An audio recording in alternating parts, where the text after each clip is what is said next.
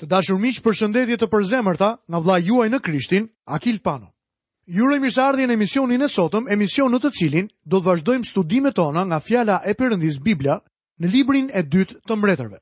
Sot do të vazhdojmë studimin tonë në kapitullin e 12 të këtij libri. Pa humbur kohë, fillojmë nga leximi i vargjeve biblike. Lexojmë në vargun e 3. Megjithatë vendet e larta nuk u ndryshuan. Populli vazhdonte të bënte flijime dhe digjte temjan në vendet e larta. Fjala ringjallje nuk do të thotë që të gjithë u kthyen tek Zoti. Shumë vetë ofronin ende sakrifica në vendet e larta, madje edhe midis priftërinjve kishte njerëz që nuk ishin të përtërirë. Lexojmë më poshtë vargjet 4 dhe 5. Joasi u tha priftërinjve, tërë paratë e gjërave të shenjtëruara që çohen në shtëpinë e Zotit, paratë e vëna mënjanë, paratë e caktuara për shpengimin e vetes dhe tërë paratë që secili e ndien në zemër, t'ia çojë shtëpisë së Zotit, t'i marrin priftërinjtë secili nga i njohuri i tij dhe t'i ndreqin dëmtimet që ka pasur tempulli kudo që ndodhen. Tempulli ndodhej në një gjendje shumë të keqe dhe kishte nevojë për riparime. Priftërinjtë morën paratë me të cilat do të riparoheshin të çarat e tempullit dhe i përdorën për gjëra të tjera. Lexojmë më poshtë nga vargjet 6 deri 8. Por në vitin e 23 të mbretit Joas, priftërinjtë nuk i kishin ndrequr akoma dëmtimet e tempullit. Atëherë mbreti Joas thirri priftin Jehojada dhe priftërinjtë e tjerë dhe u tha: Pse nuk i keni ndrequr dëmtimet e tempullit? Prandaj mos merrni më para nga të njohurit tuaj, por u jepni për të ndrequr dëmtimet e tempullit. Priftërinjtë pranuan të mos merrnin më para nga populli, as edhe të ndreqnin dëmtimet e tempullit. Është e njëjta histori miqtë e mi. E kam thënë shpesh që ju mund t'i testoni të krishterët dhe kishat duke parë mënyrën se si përdoret paraja. Shumë njerëz në kishë thonë, le ta bëjmë filanin mbajtës thesari ose ta vendosim në bordin e dhjakëve sepse ai është një biznesmen i mirë. Do të ishte mirë që së pari të zbulonit nëse ky njeri është një person frymëror që ka frikë nga Perëndia. Kjo është gjëja kryesore. Çfarë bënë ata? Ata duhet të përgatisnin një kuti të mbyllur që paratë të ishin të sigurta dhe që priftërinjtë të mos i fusnin duart aty. Lexojmë në vargun e 9. Pastaj prifti Jehojada mori një arkë, hapi një vrimë në kapakun e saj dhe e vendosi përbri altarit, në krahun e djathtë të atij që hyn në shtëpinë e Zotit, priftërinjtë që ruanin hyrjen vendosën aty tërë paratë e sjella në shtëpinë e Zotit. Mendoj se kjo kuti ishte një ide e mirë. Çdokush mund të bëjë marifete me shifrat. Madje kam parë njerëz që mbajnë paratë e veprojnë në këtë mënyrë. Ky është një turp i madh. Arka e Joasit përdoret sot në shumë organizata që mbledhin para. Shpesh kam pyetur veten nëse përdoruesit e saj e dinë nga vijnë ato. Arka ishte e sigurt, kështu që priftërinjtë, dhjakët, predikuesit apo kushdo tjetër nuk mund t'i fuste duart aty. Kjo është një ide e mirë, kështu që ju, po të doni, edhe mund ta përdorni. Edhe pse në vend ishte një lëvizje e madhe shpirtërore, kombi po fillonte të shkonte tatëpjetë. Lexojmë më poshtë nga vargjet 17 dhe 18. Në atë kohë, Hazaeli, mbreti i Sirisë, doli për të luftuar kundër Gathit dhe e pushtoi. Pastaj Hazaeli u përgatit të sulmonte Jeruzalemin. Atëherë Joasi, mbreti i Judës, mori tërë sendet e shenjta që etërit e tij Jozafati, Jehorami dhe Ashaziau, mbretër të Judës, kishin shenjtëruar ato që kishte shenjtëruar ai vetë dhe tërë arin që gjendej në thesaret e shtëpisë së Zotit dhe në shtëpinë e mbretit dhe i dërgoi të gjitha Hazaelit, mbretit të Sirisë, që u tërhoq në Jeruzalem. Me fjalë të tjera, Josia po blinte kohë. Ai po përgatitej të blinte Hazaelin, mbretin e Sirisë. Lexojmë në vargjet 19 dhe 20. Pjesa tjetër e bëmave të Joasit dhe tërë ato që bëri, a nuk janë të shkruara në librin e kronikave të mbretërve të Judës? Shërbëtorët e Joasit ngritën krye, kurdisën një komplot dhe e vranë në shtëpinë e Milos në të tatëpjetën në drejtim të Silas. Ne do të flasim më shumë për ringjalljen kur të shkojmë tek libri i dytë i Kronikave. Joasi ishte 47 vjeç kur vdiq. Shërbëtorët e tij e vranë dhe ai u varros me etërit e tij në qytetin e Davidit. Joasi ishte një mbret i mirë. Ne do të shohim se biri i tij Amaziau do të jetë gjithashtu një mbret i mirë. Këtu kemi përfunduar kapitullin e 12. Tani do fillojmë studimin në kapitullin e 13 të librit të dytë të kronikave. Veprimi përfundimtar i Elizeut. Miqtë e mi, kjo është një pjesë e fortë e shkrimit, por megjithatë mund të t'u shërbejë shumë zemrave tona. Është një pjesë veçanërisht e mirë për studimet e kombeve. Ne jemi duke ndjekur të dyja mbretëritë, atë të Izraelit dhe atë të Judës, në veri Dhjetë fiset formuan mbretërinë e veriut, ndërsa në jug, fisi i Judës dhe ai i Benjaminit themeloi mbretërinë e jugut. Në jug mbretëron linja e Davidit, kjo është linja që do të ndiqet deri në Testamentin e Ri në lindjen e Zotit Jezu Krisht. Ashtu siç pamë linja e Davidit pothuajse u eliminua nga Ataliahu, vajza e Ashabit dhe Jezebelit që u martua në shtëpinë e Davidit. Tani së bashku do të shohim Jehoazin mbretëron mbi Izrael. Në kapitullin e 13 do të shohim Jehoazin, birin e Jehut që mbretëroi në Izrael për 17 vjet. Ai ndoqi hapat mëkatarë të Jeroboamit. Në fakt, nuk ka asgjë sensacionale apo interesante për mbretërinë e tij. Shumë njerëz mendojnë se mëkati sjell kënaqësi në jetë. Nuk ka asgjë më të mërzitshme se mëkati, pasi kalon një farë kohe. Për një njeri që pi vjen vetëm një kohë kur bëhet pianec. Dhe në atë pikë është më i mërzitur se kurrë. Jeta e tij e humbet qëllimin e saj. E njëjta gjë është e vërtetë edhe për individin që jepet pas mëkatit. Kjo periudhë e historisë është shumë e mërzitshme. Ajo bëhet tërheqëse vetëm atëherë kur Perëndia lëviz. O sa kemi nevojë sot për Zotin të lëvizë në jetët tona. Lexojmë nga vargu i parë dhe i dytë në kapitullin e 13 të librit të dytë të mbretërve. Në vitin e 23 të Joasit, birit të Ashaziahut, mbret i Judës, Jehoazi, biri i Jehut, filloi të mbretërojë mbi Izrael në Samari dhe mbretëroi 17 vjet. Ai bëri atë që ishte e keqe në sytë e Zotit dhe vijoi mëkatet e Jeroboamit, birit të Nebatit, me të cilët e kishte bërë Izraelin të kryente mëkate dhe nuk u largua nga kjo rrugë. Jeroboami ishte personi që ngriti adhurimin e viçit në Izrael. Ai e largoi Izraelin nga adhurimi i Zotit të vërtetë dhe të gjallë, duke e çuar në mëkat. Kur Ashabi dhe Jezebeli erdhën në fron, ata shkuan përtej këtij adhurimi. Ata filluan të adhurojnë Balin, që në fakt ishte demonizimi. Tani Jehoazi, ashtu siç i ati i tij Jehu, nuk jepet pas adhurimit të Balit dhe as nuk bie në mëkatin e Ashabit dhe Jezebelit. Ai ndjek në fakt gjurmët e Jeroboamit, por gjithsesi, kjo është diçka tjetër e keqe. Do të shohim pendesën e Jehohazit. Për shkak të mëkatit të Izraelit, Perëndia lejoi mbretin e Sirisë të ngrihet kundra Izraelit. Lexojmë në vargun e 3 dhe të 4. Atëherë zemërimi i Zotit shpërtheu kundër Izraelit dhe i dorëzoi në duart e Hazaelit mbretit të Sirisë dhe në duart e Ben Hadadit, birit të Hazaelit, për tërë atë kohë. Por Jehohazi iu lut Zotit dhe Zoti e kënaqi, sepse pa shtypjen e Izraelit dhe si mbreti i Sirisë i shtypte. Ky njeri e dinte që ishte në rrezik dhe në telashe. Kështu që kthehet tek Zoti me frikë. Lexojmë vargun e 5. Prandaj Zoti i dha një çlirues Izraelit dhe kështu banorët e tij mundën t'i shpëtojnë pushtetit të sirëve. Kështu bijtë e Izraelit mundën të banojnë në çadrat e tyre si në të kaluarën. Vini re se sa i mëshirshëm është Zoti.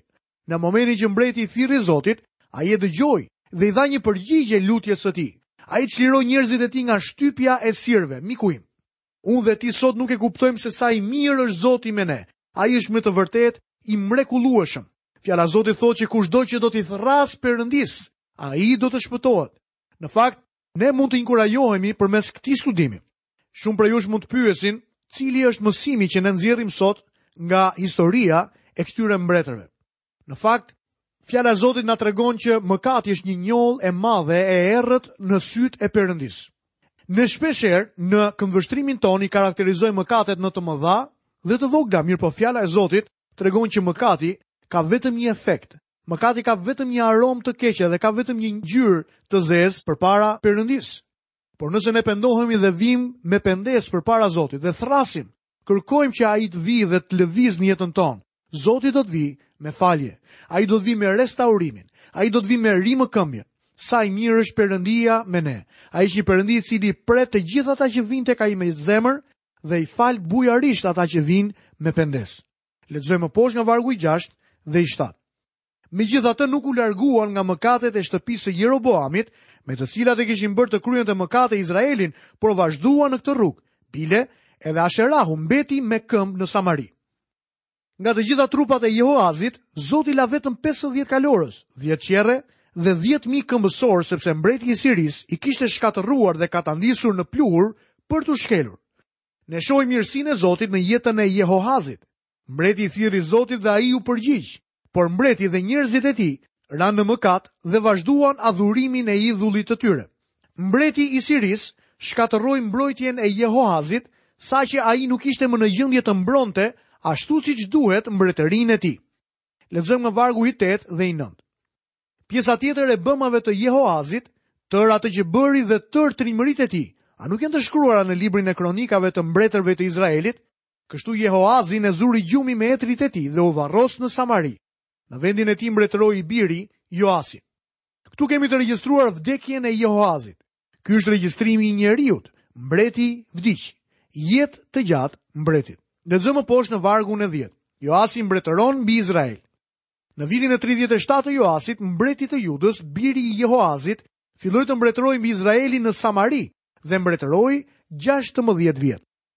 Tani mbërrim në një periudhë shumë konfuze sepse emrat e mbretërve në të dy mbretëritë janë pothuajse të njëjtë apo identikë.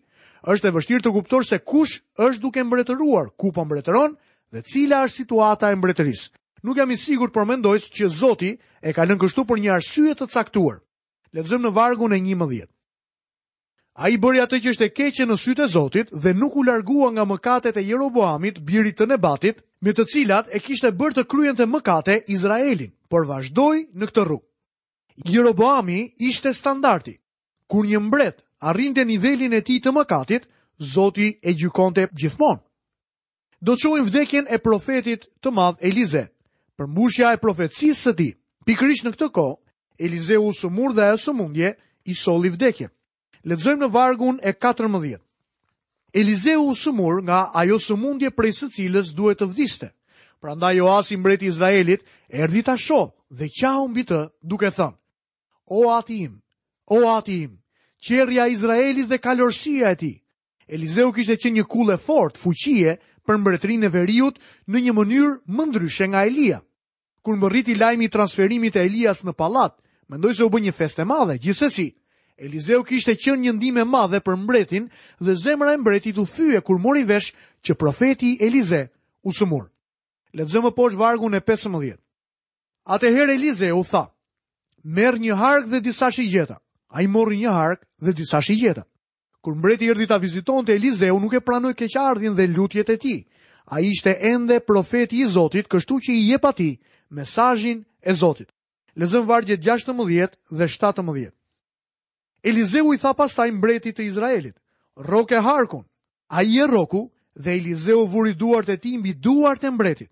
Pastaj tha, hape dritaren nga lindja. Ai e hapi. Atëherë Elizeu tha, Gjuaj, ai gjuajti.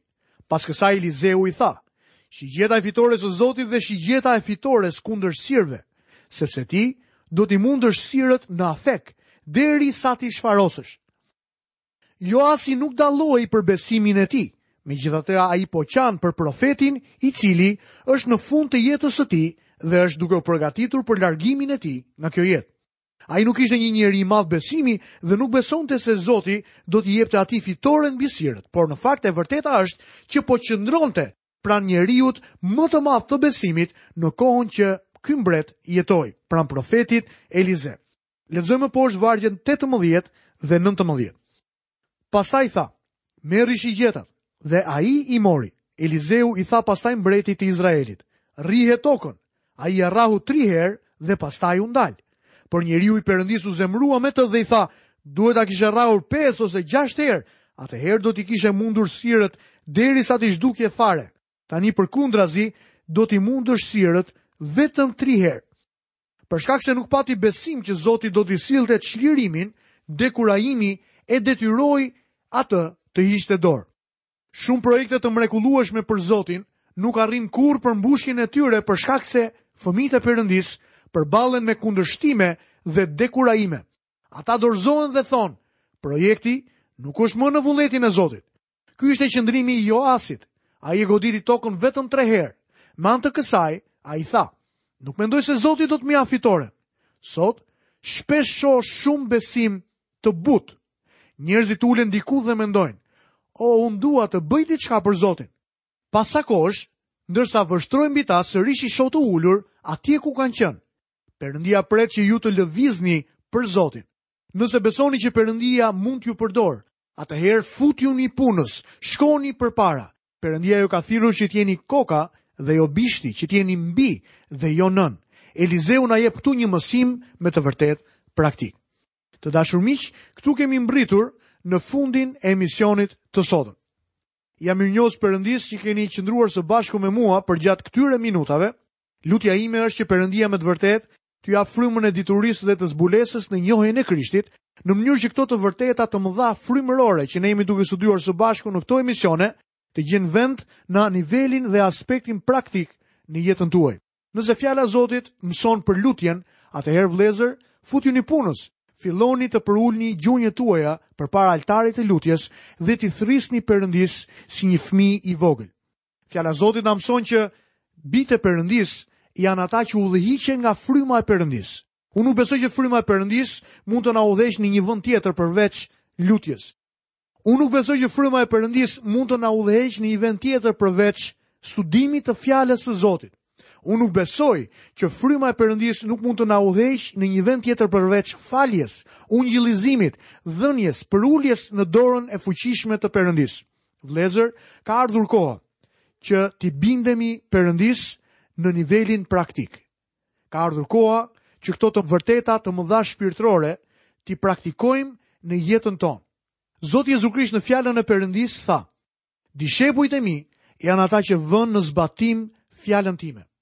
Me këtë fjalë, dua që ta mbyllim emisionin për sot dhe ju kujtoj që të qëndroni së bashku me mua në emisionin e ardhshëm për të vazhduar sërish studimet tona nga libri i dytë i mbretërve. Deri atëherë, nga vëllai juaj në Krishtin Akil Pano, paçi të gjitha bekimet e Perëndisë dhe paqen e tij në jetën tuaj. Bashkë mirudëgjofshim në emisionin e ardhshëm.